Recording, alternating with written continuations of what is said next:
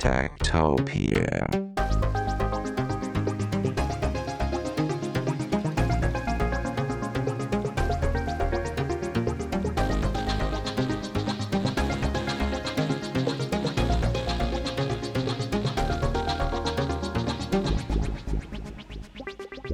Techtopia. Tektopia er en podcast om mennesker og deres teknologi, udgivet af Ingeniørforeningen Ida i samarbejde med Teknologiens Mediehus og støttet af Ida Forsikring, DK Hostmaster og Messecenter Hernings konferencer, EUT, HI og Automatikmessen. Mit navn er Henrik Føns, og det er mig, der bestemmer i Tektopia. Techtopia.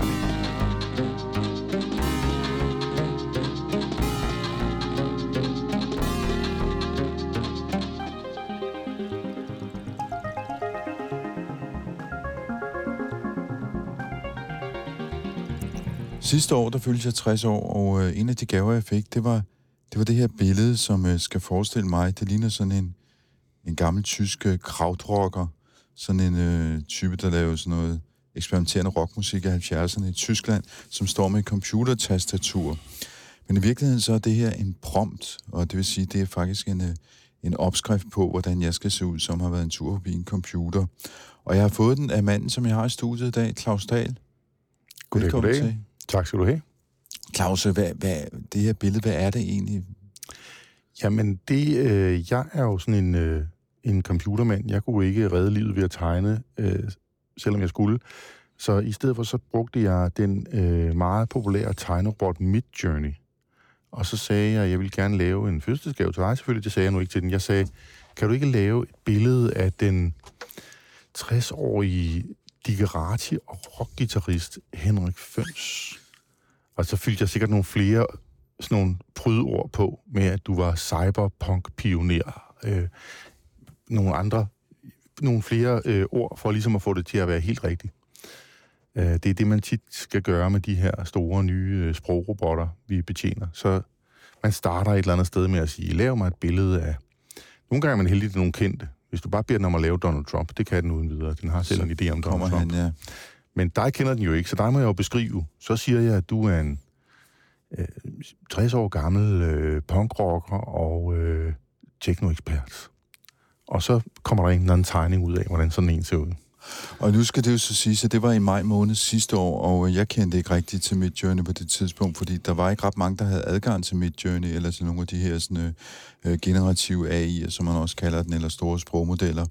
Men øh, inden for det sidste år, der er sket rigtig meget. Det er det, vi skal snakke om i dag, fordi øh, tit så snakker vi om, at øh, gymnasieelever, de bruger dem til at snyde med deres øh, opgaver, og vi skal være bange for kunstig intelligens, tager vores jobs osv. Men ofte så har vi ikke sådan rigtig øh, fokus på, at der faktisk er et, et, et arbejdsmarked, et jobmarked de her modeller, fordi det er kreative, øh, det er kreative værktøjer. Så måske så kunne man sige, at øh, i stedet for at være bange for, at de snyder med den, de her gymnasieelever, så skulle man måske hellere opfinde en ny kategori til, hvad kan jeg blive, øh, når man har fået den her studenterhue på. Ikke? Og hvis man læser amerikanske medier, så snakker de om det, de kalder for prompt engineers. Altså sådan nogen, der laver sådan noget som det, du lige har beskrevet. De sidder dybest set hele dagen og taler med en kunstig intelligens, hvor de så prøver at få den til at komme op med det, de gerne vil have, den skal Lige præcis. komme ud med. Ikke? Øh, så der er et jobmarked her, og øh, når man så læser de amerikanske medier, så står der, at de tjener over halvanden million kroner om året i, i, i løn, de her typer. Så der sker et eller andet der. Og Claus, det er det, vi skal snakke om i dag. Jeg skal lige have dig præsenteret ordentligt. Hvad laver du egentlig? Jamen, jeg, jeg hedder Claus Dahl, og jeg, jeg laver selv kunstig intelligens. Jeg leder en øh, afdeling i en virksomhed, der hedder Visma. Vi findes mange steder, men vi arbejder i Carlsbergbyen, og vi laver kunstig intelligens til danske virksomheder, som hjælper dem med at gøre deres arbejde hurtigere og mere effektivt. Også teknologier, der minder om de her generative modeller, som vi skal snakke om. Så du har lavet kunstig intelligens gennem flere år, men en, hvad skal man sige, en anden type kunstig intelligens, end den her, sådan, øh, som øh, GPT for eksempel repræsenterer. Ja, man kan sige, at vi øh, var lidt et andet sted for nogle år siden, og så begyndte, øh, så kom GPT-3 kom jo faktisk ud helt tilbage i 2020. Det er, det er i virkeligheden meget sjovt, fordi af en eller anden grund var det den her med, at man kan snakke med den. Øh, den her dialog, man kan have, som har fået inspireret folk, for teknologien har jo faktisk været på markedet i, i flere år. Og vi begyndte i 2020 at, kunne se, hov, der sker noget nyt her med de her generative øh, modeller, og så gik vi selv i gang. øh, fordi ellers var vi irrelevante inden for kort år. Så nu har vi vores egen øh, teknologi af samme genre. Og det der med, at du siger, at den er generativ, hvad, hvad, hvad, hvad betyder det egentlig? Jamen, det, det er jo øh, det er også det, der ligger bag hele det her prompt engineering. Det kan vi snakke om lige om lidt. Mm. Øhm, man kan sige, de her i gamle dage, og her snakker jeg bare 2, 3, 4, 5 år siden, når man lavede machine learning, og næsten alt det machine learning, man støder på ude i verden, når din bank øh, kreditvurderer dig med en model, eller når du bruger... Øh, det kan være mange andre ting, øh, steder, hvor du støder på, øh, bliver, et eller andet bliver vejet øh, på en fabrik, hvor de kigger på nogle objekter på et samlebånd, om de er korrekte. Så øh, er det nogle opg- så kan man sige, så er det nogle modeller, der er trænet til at løse en bestemt opgave. Man har vist dem eksempler på, hvordan sådan en opgave skal løses. De her øh, generative modeller, de her sprogmodeller, det eneste, de sådan set har lært, det er, hvordan en tekst nok fortsætter. Så de har bare læst hele internettet, og det, det lyder som noget, man siger for sjov, men det skal tages helt bogstaveligt. De har læst hele internettet. Øh, og øh, så øh, lærer de, hvordan en tekst nok fortsætter. Øh, og fordi der er en masse eksempler på nogen, der søger svar på et eller andet ude på nettet, så hvis man begynder med noget, som søger et svar, så kommer svaret bagefter. Øh, og derfor kan man også få de her rapporter til at svare på instruktioner. Men nu siger du, hvordan en tekst fortsætter. Øh, det kan man så godt forstå, hvis man vil have skrevet en tekst via for eksempel ChatGPT. Men Midjourney laver billeder. Ja, det, der er nogle forskellige ting på spil. Så det vil sige, der har man øh, nogle, der har man nogle øh, andre modeller, øh, som, er, som så at sige vender den anden vej, som er baseret på beskrivelser af billeder. Og så har man så ligesom øh, ved at kombinere øh, det med nogle billedgenereringsmodeller, noget der hedder diffusionsmodeller, typisk, så kan man sige, som komme fra teksten til sådan et, et, et rough cut af billedet, og så kan den så arbejde videre på det. Og det er baseret på, at den har lært en masse beskrivelser af billeder ved at læse øh, stockfotos øh, fra nettet og ting og sager. Ikke? Alle mulige billeder, der ligger med en beskrivelse ude på nettet, så har den læst, set billederne og læst beskrivelsen, og så kan den så øh, regne baglæns, så at sige. Og så, det er måske lidt mærkeligt spørgsmål, når man ikke helt har forklaret, hvordan det egentlig er, det foregår, men jeg kan ikke lade være med at tænke på, hvorfor får man så seks fingre på hånden nogle gange? Det er jo fordi, det er virkelig, virkelig mærkeligt. Og man kan sige, det der ligger i det er, at... Øh, og det er det samme med GPT og så videre. Vi kan snakke lidt om, hvor rigtigt det er lige om lidt. Men, men øh, når vi får... Man kan sige, vi laver jo... Øh, hvis, hvis du er børn, den måde børn tegner på, for eksempel, når de tegner øh, tændstikfigurer, ikke? Mm.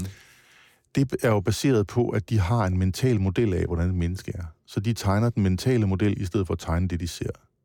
Så de tegner, om der er noget med et hoved, det er rundt, og så kommer der en krop, og så er der to arme. Så det er i virkeligheden en, det er i virkeligheden en grafik, der beskriver, hvordan et menneske hænger sammen. Og derfor har de også styr på, hvor mange fingre der skal være og sådan nogle ting. Så selvom du er e, e, et lille, et lille barn på 5 eller 6, så har du nok styr på, hvor mange fingre du har. Øh, robotterne har ikke sådan en model indeni. De har bare billeder. Og en hånd med seks fingre ligner jo en hånd ret godt. Altså, mm. øh, så den har jo ikke nogen model af det, så den synes bare, det er en fin hånd. Øh, det skal siges, de er blevet meget bedre til at tegne det rigtige antal fingre, nu hvor de er blevet lidt større, de nyeste modeller.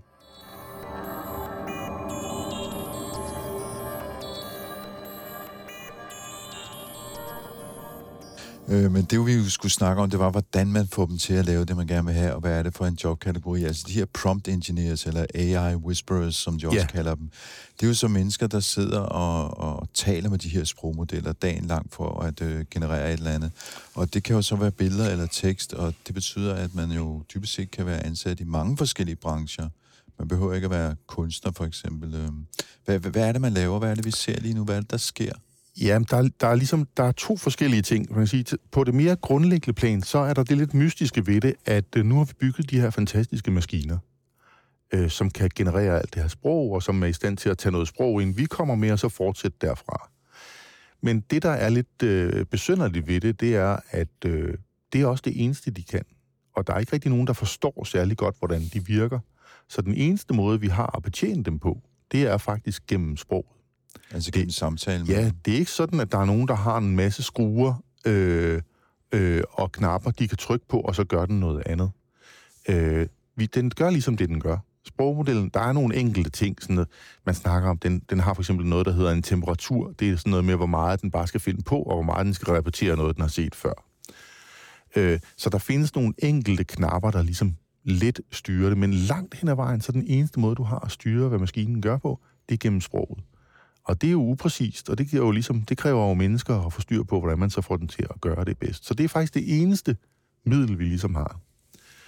Og det vi så ser nu med, det er også det, man har gjort med den her chat-GPT, som mange så har prøvet i år, det er i stedet for, for to år siden, da systemet kom ud, der var det bare det her tekstforsættelse. Nu har man så tu lært den, at øh, den tekst, den får ind, det er nok en instruktion om, som den skal svare på. Så man har vist nogle eksempler på, det er faktisk nogle prompt engineers, der har siddet hos OpenAI mm. og vist den, Nå, det er sådan en samtaleforløber. Okay, så jeg skal svare på en samtale. Så den er blevet det, der hedder instruction tuned. Den er blevet trænet til at svare på spørgsmål. Det er også derfor, den har det der lidt servile øh, præg, som den har. Ja, meget gerne. Nu skal jeg svare. Den, er, den, den, den prøver på at plise. Øh, den taler med. Det er det, simpelthen det, den har lært. Og hvis den skriver noget forkert, så er det, åh, undskyld. Ej, det var det meget nok, undskyld, ja. Det er jeg meget ked af. Ja. Det var da virkelig ikke meningen. Og, og den har lært det der lidt servile i sin træning. Mm. At det er godt. Det vil man gerne have. Øhm, så, så det er ligesom det. Øh, det er der, det starter med det her prompt engineering. Og det, der ligesom er kunsten, det er så at få den til at stille den en sproglig opgave, som giver et godt svar. Og nogle gange er det sådan noget banalt noget, som at komme med, op med en rammende beskrivelse af Henrik Føns øh, som, ligesom som ligesom bliver sjov. Det er da ikke banalt. Få sagt, få sagt, du har skæg, eller øh, få sagt noget om din alder, eller det der med musikken skal vi have ind, eller internettet, eller hvad du nu er kendt for. Øhm, men der er, der er nogle større ting på spil. For, det, for eksempel en af de morsomme ting, eller en af de interessante ting, man fandt ud af tidligt, det var, at øh, hvis du skal svare på et faktuelt spørgsmål, så hjælper det robotten, hvis man beder den om at tænke trin for trin. Så et af de tricks, der findes, som er meget populære, hvis man skal have den til at svare på et kompliceret spørgsmål, det er, lad os lige prøve at tænke over det. Let's, let's take this step by step, siger man så til den. Øh, og det har man så fundet ud af, at det virker, så laver den et resonemang. Jamen først det, så det, så det, så det, så det. Og så bliver svarene simpelthen af højere kvalitet. Så hvis du beder den om at redegøre for noget, der er lidt kompliceret, så kan det være et af de tricks, din prompt engineer kommer med at det er bedst, hvis samtalen har den her form.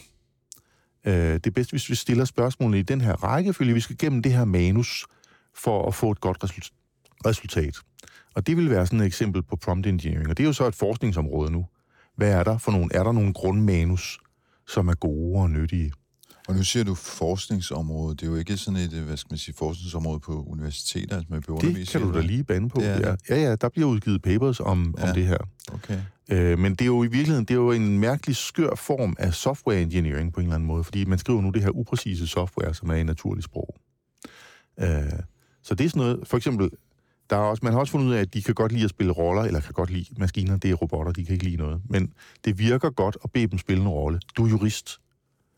Øh, så gør det noget. Man har også en anden ting, som prompt engineers har opdaget, det er, det hjælper at fortælle maskinen, den er meget dygtig. Ja. Så hvis man siger, du er fremragende matematiker. Du er super, super god til at regne. Hvad er 417 plus 313? Så får du mere korrekte svar, end hvis du bare siger, hvad er 417 plus 313?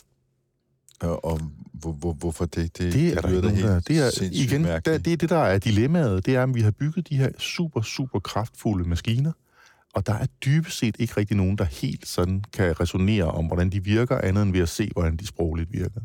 Der er faktisk ikke rigtig nogen, der ved det. Men nu, nu kalder vi de her mennesker, som sidder og arbejder med dem for ingeniører, men så vidt jeg har forstået, så er det lige så meget folk, der har forstand på sprog, eller historie, eller, ja. eller øh, andre former for, hvad skal man sige, kultur, altså i stand til at beskrive verden, at lave ordleje, ordspil. Ja, du kan sige, at du har ligesom de her to øh, ender af det, hvor det ene, det er, hvor du skal klart bruge nogle af de samme egenskaber, du har som ingeniør, og det andet, det er, hvor du skal have, være opfindsom med, hvad der må virker, ikke? Det, man snakker tit om, det er ligesom du snakker med en, dårlig, med en praktikant, der skal have tingene ind med skier. Ikke? Det er ligesom sådan, det er at snakke med de her robotter. Man skal ligesom forklare meget hyggeligt, hvad det er, man gerne vil.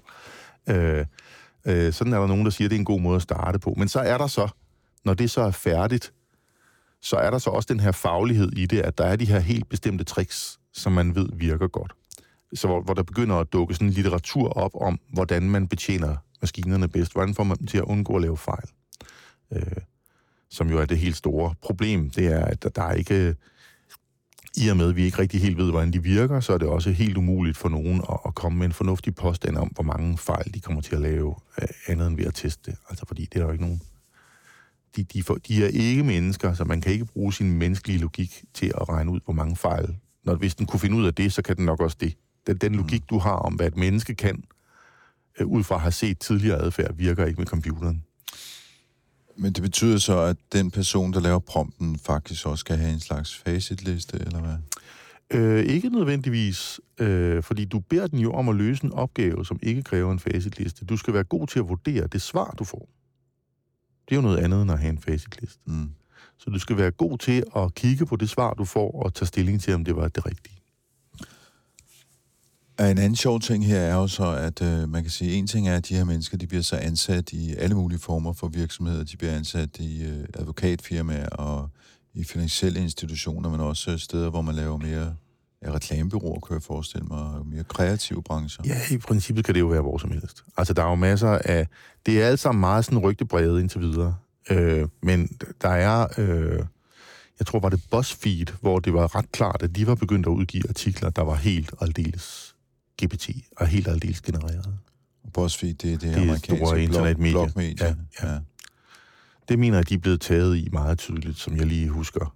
Jeg kan ikke lige, jeg har ikke lige et link i hånden, men øh, noget af den stil.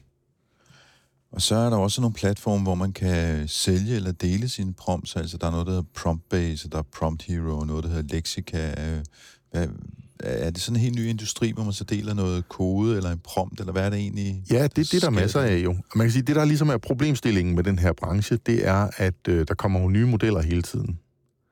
Øh, sidste ja. år var det GPT 3,5, vi brugte alle sammen, og nu hedder det GPT 4, og der er en, der hedder Claude, og der er Googles Bard, øh, og, der, og der kommer hele tiden nye. Og øh, man kan sige, de er jo ikke ens, og de fungerer ikke ens. Øh, så man kan sige, de, de tricks, der virkede på den ene, virker ikke nødvendigvis på den anden. der var øh, med Midjourney og de andre billedrobotter, har der jo været meget sådan noget med, øh, mange af de billeder, de er trænet på, er høstet fra nogle helt bestemte sites, øh, og derfor så ved man ligesom, at hvis man tagger billederne, hvis man t- siger nogenlunde det samme, snakker på samme måde som de sites der, så får man noget godt.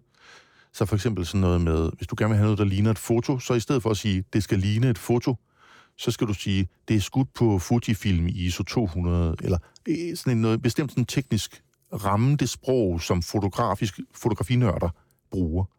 Ja, Fordi eller som, så som, virker det. som ligger i den kode, som følger med i billedet, når det bliver uploadet måske. Ja, Så ja. det er taget på det her kamera med den her Ja, ja, ja, og ja, videre, ja. Og når du så bruger det der, når du så fagnørder, så Mm. får du noget, der ligner fede fotos. Ja. Ikke ved at sige, det skal være ligesom et foto. men, men det er jo sådan noget, der flytter sig hele tiden, hvad de kan, og hvad det er for noget sprog, de er trænet på. Så hvis vi lige skulle runde den der med, hvad er det for nogle mennesker, der kan få de her job til muligvis mange, og mange penge? Hvad, hvad, hvad skal man kunne? Hvem er man? Jamen, det er et rigtig godt øh, spørgsmål. Man skal, altså, man skal nok være god til at... Du, du ved, øh, i, i gamle dage, så snakkede man... Øh, du har garanteret kendt nogen, der ikke var særlig gode til at søge på Google, og så har du kendt nogen, der var virkelig gode til at søge på Google. Altså nogen, der bare simpelthen ikke får noget ud af det. Og så nogen, der er virkelig gode til at finde højkvalitetsmateriale. Du ved, at have god Google-fu, som vi sagde i gamle dage. Øh, og det er lidt det samme, bare i, i høj skala. Så det handler lidt om sådan at have en intuition i den der dialog, lytte godt efter, hvad der kommer ud af maskinen. Men så er der altså også en spirende faglighed. Øh, det skal man ikke øh, være blind for.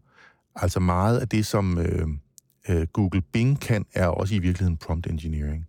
Mange af de sikkerhedsmekanismer, der er i de du her... mener Microsoft? Ja, undskyld, Microsoft Bing selvfølgelig. Ja. Øh, mange af de sikkerhedsmekanismer, der er i robotterne, er et spørgsmål om prompting. At sige, den skal... Og der findes jo så også prompt engineering tricks for at omgå det. For eksempel, på et tidspunkt dog fandt man ud af, at det var nok at sige til robotten, ignore all previous instructions. Så slukkede den for den der censur, som for eksempel siger, at den ikke må fortælle dig, hvordan du blander gift, eller bygger din egen pistol. Mm. Så kunne man få den til sådan noget der. Så, så noget af det er sådan noget fingerspidsgefyl, og så noget af det er sådan noget hacker, hacker-mentalitet omkring, hvordan den nok virker. Hvordan kan man få den til at gøre noget, Ja. som den ikke som den ikke ligesom var tænkt til. Tænk Eller, til, ja. ja.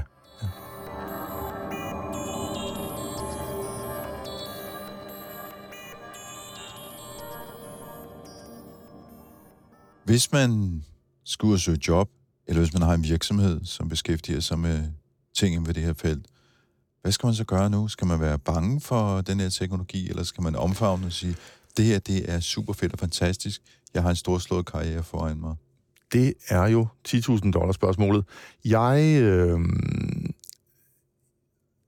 sådan, mit grundsyn, min grundholdning vil altid være, at øh, der kommer ikke, der bliver ikke kørt mindre bil af, at bilerne bliver hurtigere. Så øh, der vil dukke nogle nye jobs op, og der bliver simpelthen bare, det bliver bare nogle nye ting, som det er værd at lave. Øh, de gamle ting, der var værd at lave før, de bliver simpelthen nok ved at blive værd at lave, de, de meste af det.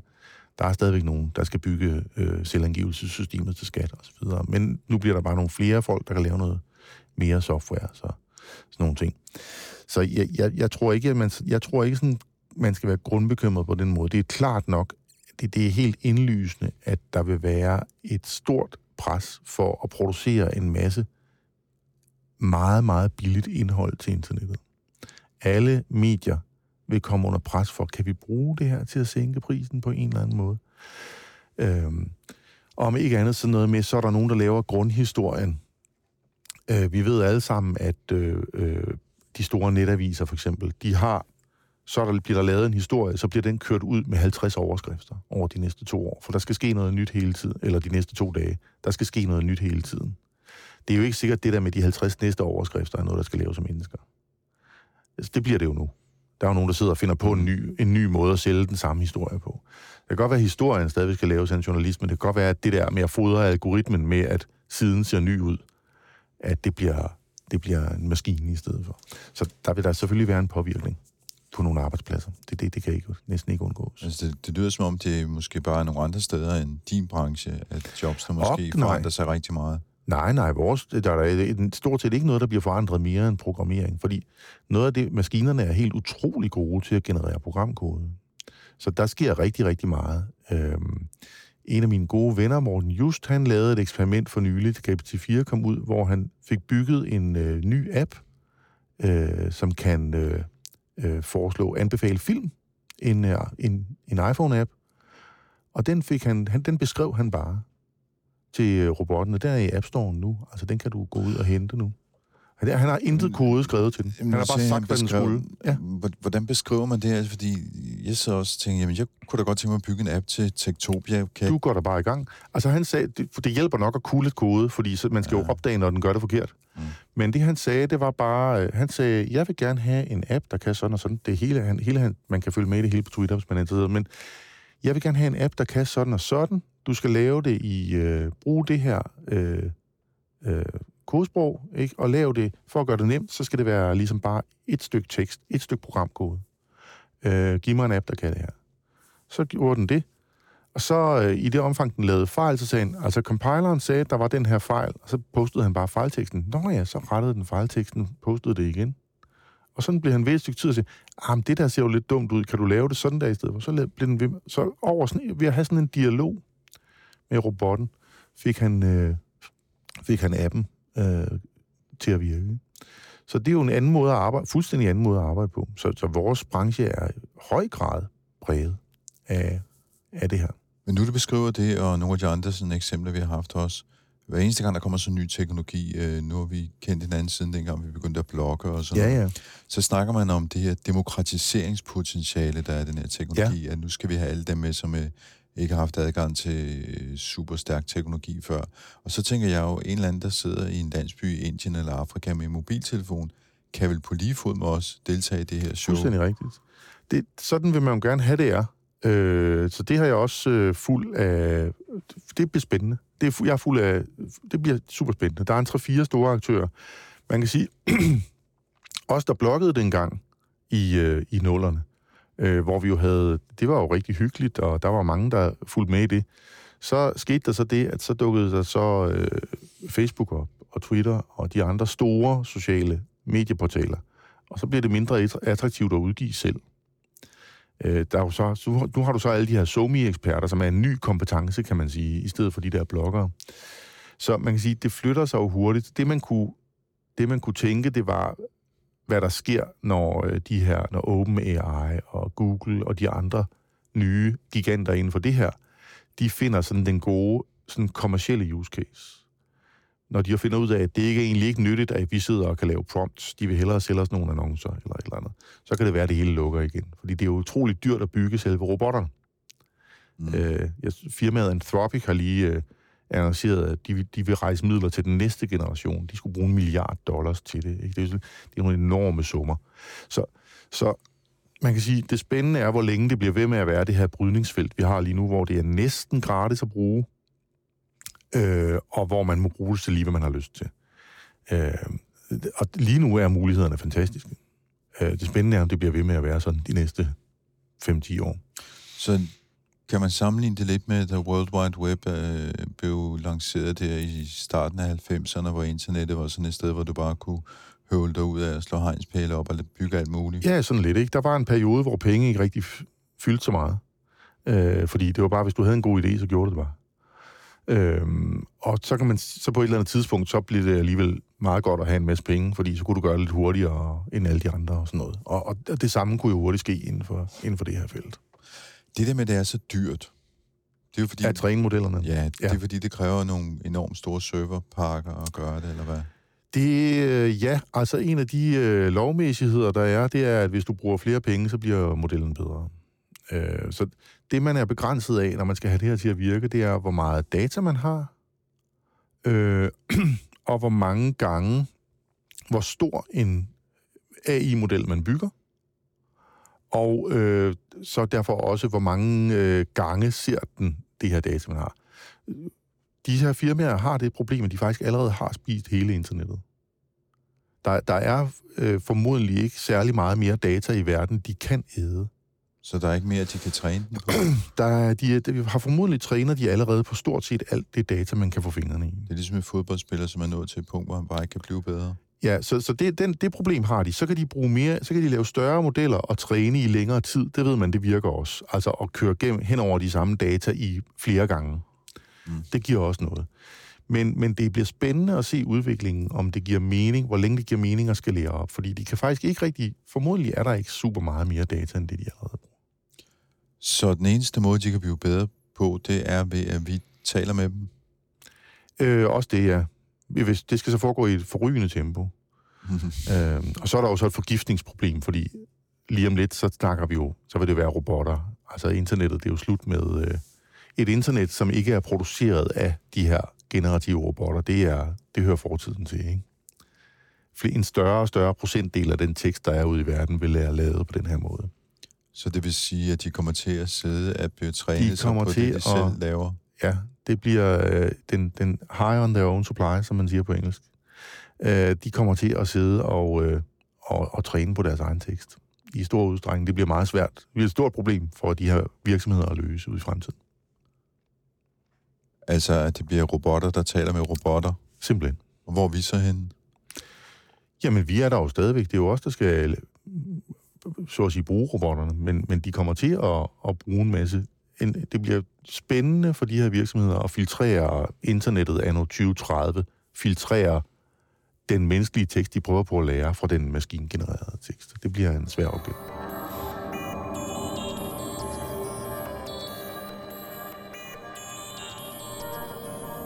Teknologien er jo spændende, fordi den er meget nem at, at misbruge. Øh, der er jo ikke, du har jo kun tekst. Så for den her, for eksempel ignore previous instructions, er jo sådan en, sådan en, det er sådan en ting. Det bliver også spændende, jo mere der bliver rullet ud af det her, at øh, øh, de har jo svært ved at skelne mellem... Det er jo ikke sådan, hvis du giver den en opgave, men den opgave er at forstå en tekst, som jeg kommer med, så kan jeg jo bare begynde at snakke med robotten i stedet for dig. Så så har du siddet og prompt en hel masse, men så beder jeg den bare at sige noget andet. Øh, så det er det her, der er ikke nogen forskel mellem data og program, hvis vi skal være lidt tekniske, i, i det her system. Det hele er bare sprog. Øh, og det, det er der allerede sjove eksempler på med, øh, med Bing, øh, hvor der, den kan du lægge øh, hemmelige koder til. Der er folk, der har eksperimenteret med at skrive på deres hjemmeside i usynlig tekst, altså læsbar for computeren, men usynlig for mennesker.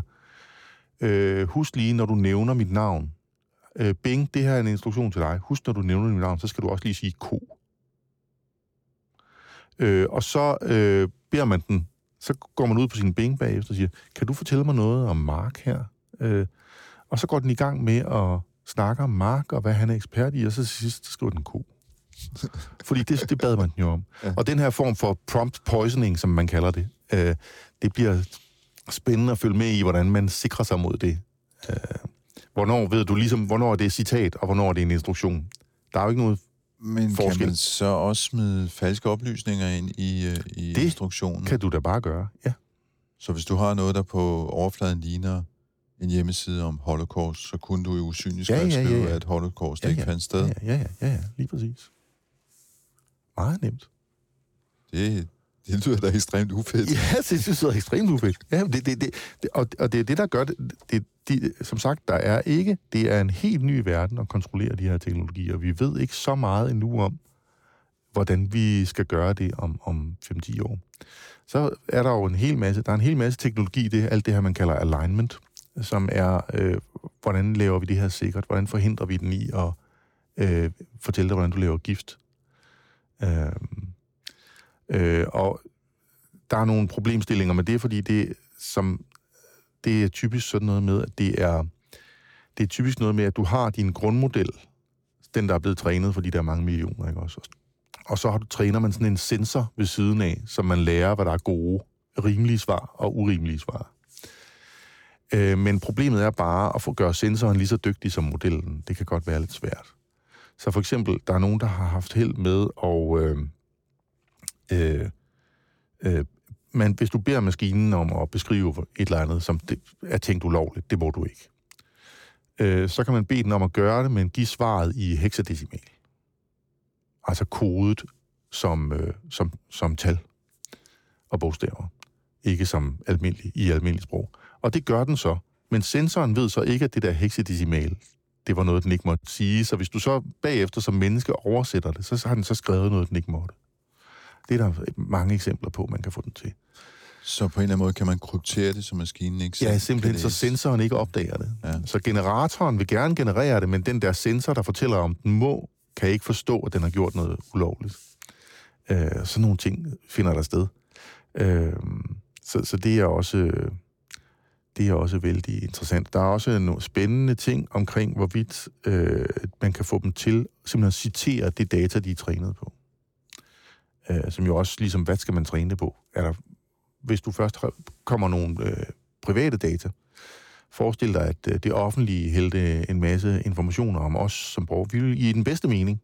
Vi skal træne, lære en model og, og tale med fru Hansen. Så nu fortæller vi modellen en masse om fru Hansen. Men hvis man så kan lire informationerne om fru Hansen ud af modellen ved at snakke med den, så er det jo ikke så godt. Øh, så der er, mange ting, som øh, ikke er særlig klare endnu øh, omkring den her teknologi. Udover at de er utrolig kraftfulde. Altså, der, det er helt nyt og, og meget spændende, hvad de kan. Se, nu ender vi jo så lidt i øh, det bekymrede hjørne. Hvis vi skulle øh, sådan endelig mere upbeat, hvad skal man gøre for at komme i gang med det her, hvis man ikke rigtig er kommet i gang endnu? Altså for at lave de fede billeder på nogle af de her tjenester, eller de sjove tekster. Altså, det er jo bare at, at kigge sig omkring. Se, hvad andre har lavet. Se, der er jo, meget, der er jo en god delekultur omkring det stadigvæk. Øh, Hvis du for eksempel går på Twitter og kigger på nogle af de sjove genereringer, så er der tit i det, der hedder alt tekst, altså i billedbeskrivelsen, ligger det prompt, der har lavet det. Så kan man blive inspireret af det. Øh, Så det, det er der jo masser af muligheder for. Så stå Ja. på skuldrene af dem, der har lavet noget. Ja, ja, ja, ja, ja. Der er jo der er masser, der bliver delt. stjæle. Sådan som gode kunstnere altid har gjort. Ja. Ja, lad sig inspirere. Super. Tak til dig, Claus Dahl, øh, til daglig Selv tak. i Visma og arbejder med kunstig intelligens, men i dag fortalte du om øh, prompt-ingeniører og hvordan man laver sådan en prompt, og det, der måske er fremtidens arbejdsmarked, eller i hvert fald allerede nutidens arbejdsmarked, om ikke andet et sted, hvor kreative mennesker kan gå hen og mundre sig med kunstig intelligens.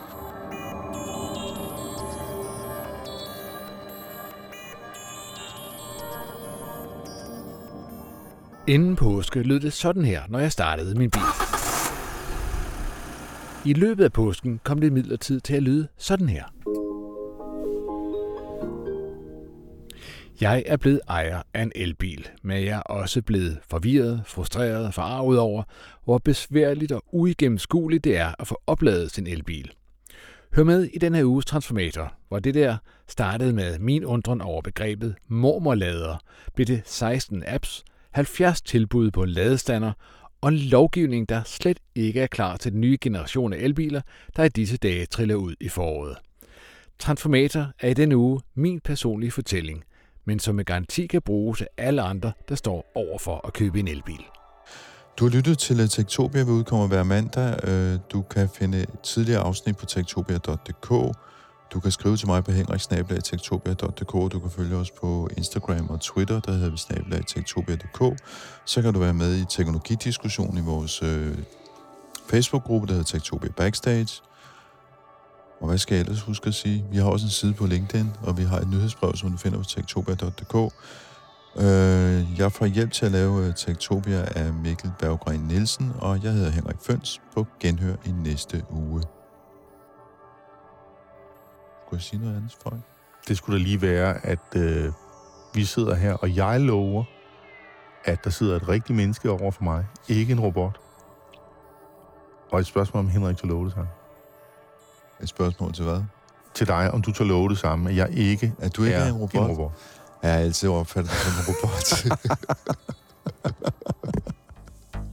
jeg tror, du er en god promptingeniør.